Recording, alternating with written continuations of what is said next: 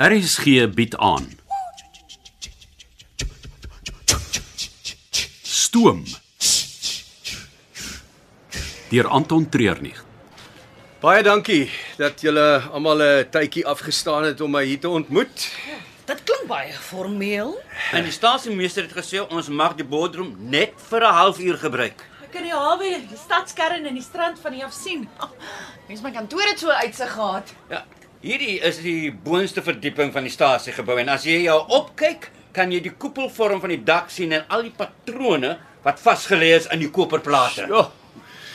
Ja, dankie julle. Ehm um, as julle kan kom sit, dan kan ons begin. Waar is Roo? Maar ek het vir hom gesê om hier te wees. Nou, ek het vir my k- 'n koffie gegryp voor ek gekom het en uh, hy het my net weggewaai toe ek hom gevra het of hy kom. Iets is nie reg daar nie. Ek sal 'n uh, oogie oor hom hou. Laat ek met hom gaan praat. Daar is dalk 'n beter idee. Nou, Wat doen ons almal hier aan? Ja. OK. Ek moet vandag uitvind wie die kopers van die plutonium sou gewees het. Maar hoekom? Hoekom net dit alles los en net daarvan vergeet hy? Want die ouens wat my gehuur het, wat hierdie hele ding aan mekaar gesit het, is nie die soort mense wat goed vergeet nie. Hulle het oor die 50 miljoen dollar betaal vir wat in daai kluis is. En hulle soek 'n opbrengs op hulle belegging. En dan is daar natuurlik die afpersing. Hulle weet wat my swakpunte is en hoe hulle my kan seermaak. Ek is seker dis met julle dieselfde. Nou maar goed. Hoe kan ons help?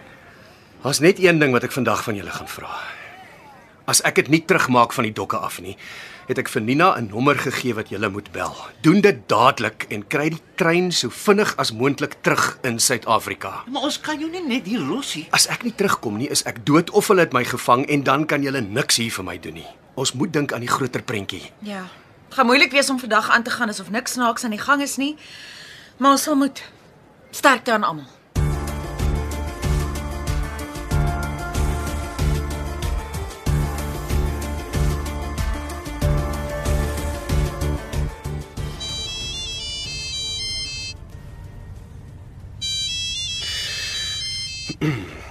Môre kolonel.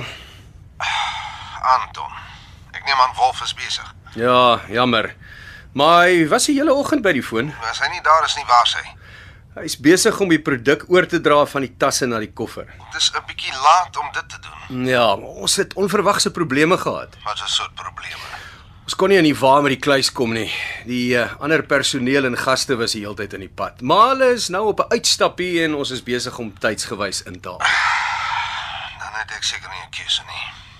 Hoe bedoel kolonel nou? Die boot se naam is Beguile. Hy sal vasmeer in dok 4. Jy moet die oordrag 12 uur maak.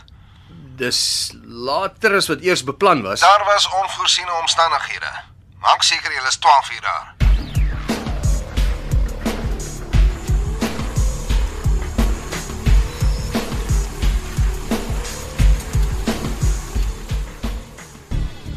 Hoe lyk die lokomotief? Ja, ek is baie beïndruk met haar. Sy loop soos 'n droom en het nie te veel aandag nodig nie. Jy moet haar nie afskeep nie. Ag natuurlik nie. Ek weet hoe wispelturig vrouens kan wees. Sien dit vrouens nie. Weet jy ek het nou 'n draai gemaak by Roo en hy was so bot en toe soos 'n bankbestuurder op die dag na Kersfees. Ja, Ek het gisterand ook met hom probeer praat, maar uh, alhoewel hy my geantwoord het, kon ek sien sy aandag was iewers anders. Wat dink jy kan dit wees? Wel, Ek weet nie. Maar ek het hom later aan op die foon sien praat en toe hy agterkom, ek kyk vir hom, het hy by die kamer uitgestap. Iets is nie lekker nie. Ek het die oproep gekry. Dis tyd vir my om te gaan. Jy, jy weet nou wat se boord dit is. Ja, ook die doknommer. Ek gaan net van 'n end af dop hou, kyk of ek kan agterkom wie op die boot is. Kyk, elke boot moet iewers geregistreer wees. Jy weet, 'n land van afkoms en daai soort van ding. Ja. As jy vir my die naam gee, kan ek dit vir 'n vriend gee wat met daai soort goed werk. OK. Richard het gesê dis die Beguile. Wat vir 'n naam is dit? B E G I I O. E. Is jy besig om te doen? My foon het 'n thesaurus. Ek kyk gou wat dit beteken. Um Oh. ah. Is it uh beguile to charm or enchant someone often in a deceptive way? Verlei. Ja, soos Delilla. Nou, wat vir 'n naam is dit vir 'n skip? So goed soos enige ander een. Ek moet gaan. Sterkte Anton. Onthou, as ek nie terugkom nie, staat julle daai engine op en maak dat julle wegkom.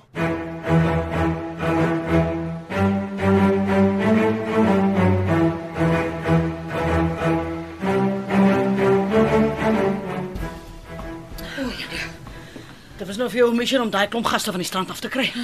Met die klomp cocktails en peri-peri prawns en 'n lywe kan ek verstaan as hulle net in die son wil lê en prut. Maar almal is hier.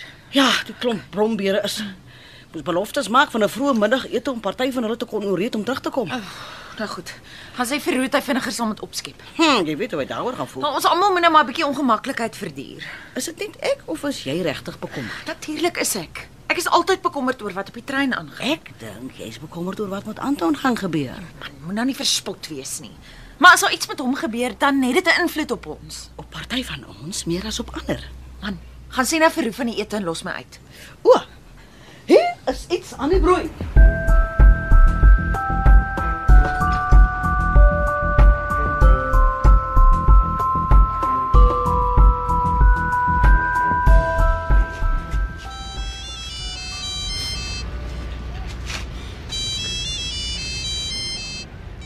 Hallo? Is jy al by die hawe?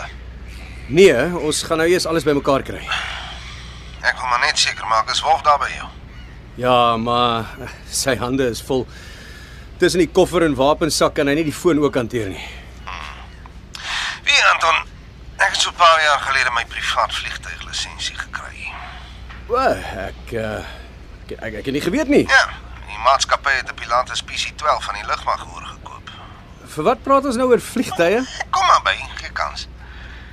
Is jy seker jy's nie by die hawe nie? Ek het mos gesê ons is nog nie eens op pad nie. Kom aan, Anton. Mense is diere van gewoonte. Jou opleiding verwag van jou om 'n uur voor die ontmoeting die area te verken. Laat ek raai, jy's so 500 meter van die boot se vasmeerplek, iewers tussen die duine. Ek weet nie waarvan jy praat nie. Jy weet presies waarvan ek praat, Valk.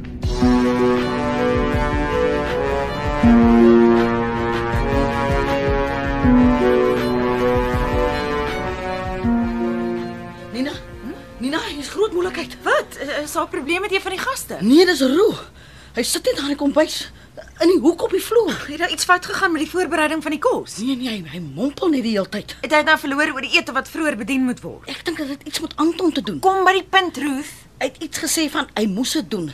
Dat jou oom se lewe in gevaar is en dat hy sy lewe aan jou oom verskillig is. Dit Eh, wat moes doen? Hy het gesê Richard weet van Wolf. Hy het vir Richard vertel van wat hier gebeur het. Ja, alles. En dat Anton alleen na die na die hawe toe gegaan het.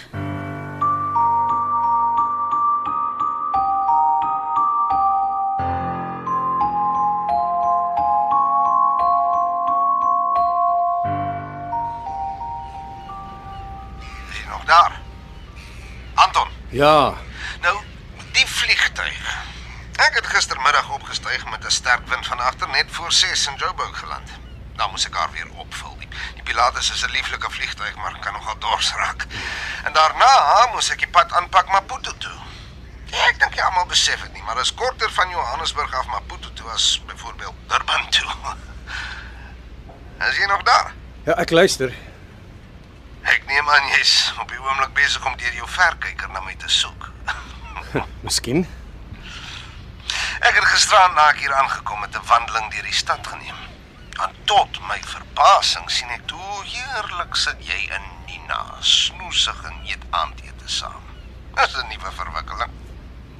Ek hoef nie verder na jou te luister. Ek het nie alleen gevlieg. Jy nie. kan 'n hele span van jou steroïd gepompte wannabes saamgebring het. Ek gee nie om nie, ek sal hulle en vir jou uithaal. Ek was so dom as ek nou nie om 'n klein oorlog in 'n vreemde land te begin terwyl daar 2.5 kg se plutonium op die spel is, sal nie 'n goeie idee wees nie. Nee, dit sal nie. Dis hoekom ek net een persoon saamgebring het. Jou dogter. Jy sou nie. Ek sal. En ek het. Kyk na die hawe muur met daai verkyker van jou. Jy sal sien daar's twee mense wat reg op die punt staan. Ek sien. Hulle is ek en Amelia. As jy nog bietjie inzoom, sal jy sien ek hou iets vas in my hand. Dis van koue staal en maak 'n groot gemors as mens die snelle trek. Jou blus. Losie vloekwoorde en beledigings vir iemand wat omgee. Jy kom meld jou nou hier by ons aan. Jy laat my dogter nou gaan. Dink mooi oor jou volgende move, Falk. Ek en jou dogter staan op die rand van die seemuur. Net een skoot, sy val in die see en alles is verby. Of jy kom hier na ons toe en almal leef nog 'n dag. Jou keuse.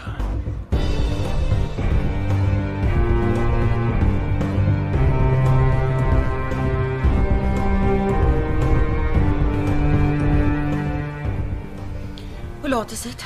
Die is 2 minute later as die vorige keer wat jy gevra het nie. Hy's laat. Jy het dit ook 2 minute gelede gesê. Ja, ek gaan jou lokomotief regkry. Regkry vir wat? Anton het gesê dat ons hier moet wegkom as hy nie opdaag Wa- nie. o- Ons moenie oorhaastig optree nie. Nee, dis nie oorhaastig nie. Om die waar te sê, ons het al te lank gewag. Nog 5 minute sal niemand seermaak nie. Ja. Verwag. Daar daar kom iemand hierdie stasie aangestap. Waar? Daar by by die hoofingang na die platforms. Kan nie Anton wees hier? Dis 3 mense. En daai stap is Anton se, maar maar die ander. Dis 'n man.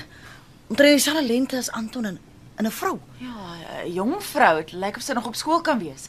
Dis Richard julle. En die jong meisie Dit moet Anton se dogter wees. Ek moes maar vroeër weggetrek het. Hier kom groot moeilikheid.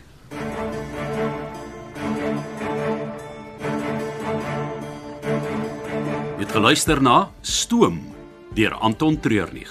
Die spelers hierdie week was: Anri Gerbst as Anton Mostert, Rolinda Neel as Nina Smith, June van Merch was Ruth Williams, Andre Samuels is John John Lackey, Waldemar Schultz het die rol van Richard Minnie gespeel en die rol van Amelia Mostert is vertolk deur Jane de Wet. Die tegniese en akoestiese versorging is gedoen deur Cassie Lauis en die spelleiding is behartig deur Ronel Geldenhuys.